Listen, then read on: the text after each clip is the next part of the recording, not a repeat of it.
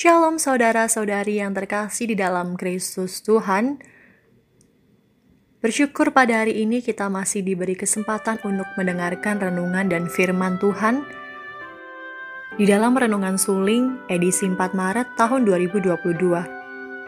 Renungan pada hari ini diberi judul Cinta untuk Rumahmu Menghanguskan Aku.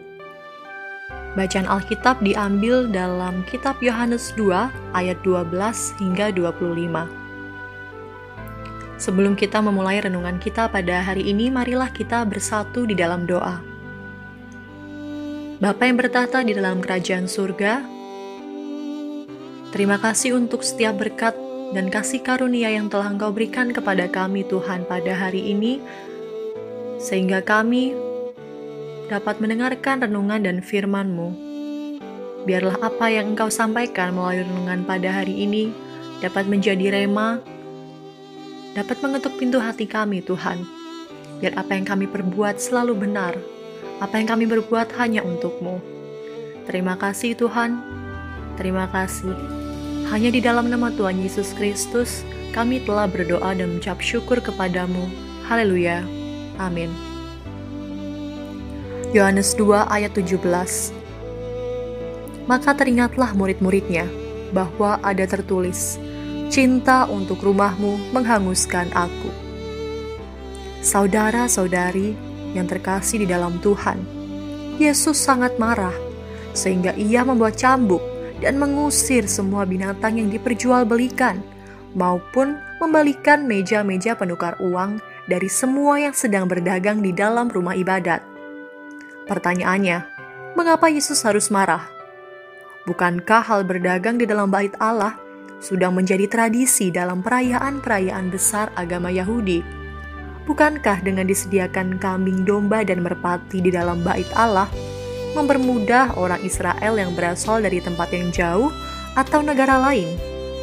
Sebab tidak mungkin mereka yang datang dari tempat jauh harus membawa kambing domba dan merpati.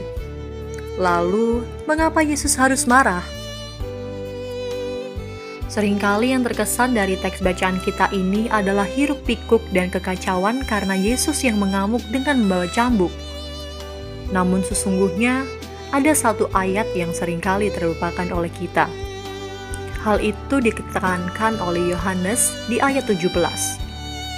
Lihat apa yang dilakukan Yesus di pelataran bait Allah, mengingatkan murid-murid Yesus tentang sebuah mazmur yang dikutip dari Mazmur 69 ayat 10 yang mengatakan, "Cinta untuk rumahmu menghanguskan aku."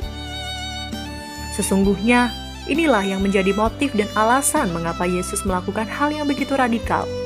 Kemarahan Yesus yang digambarkan dalam Yesus menyucikan bait Allah bukan terkait dengan boleh atau tidak boleh, tetapi terkait dengan fokus ibadah yang tidak lagi kepada Allah, tetapi pada ritual yang ada orang sibuk dengan mempersiapkan ritual yang harus dilakukan, tetapi mengabaikan ibadah kepada Tuhan.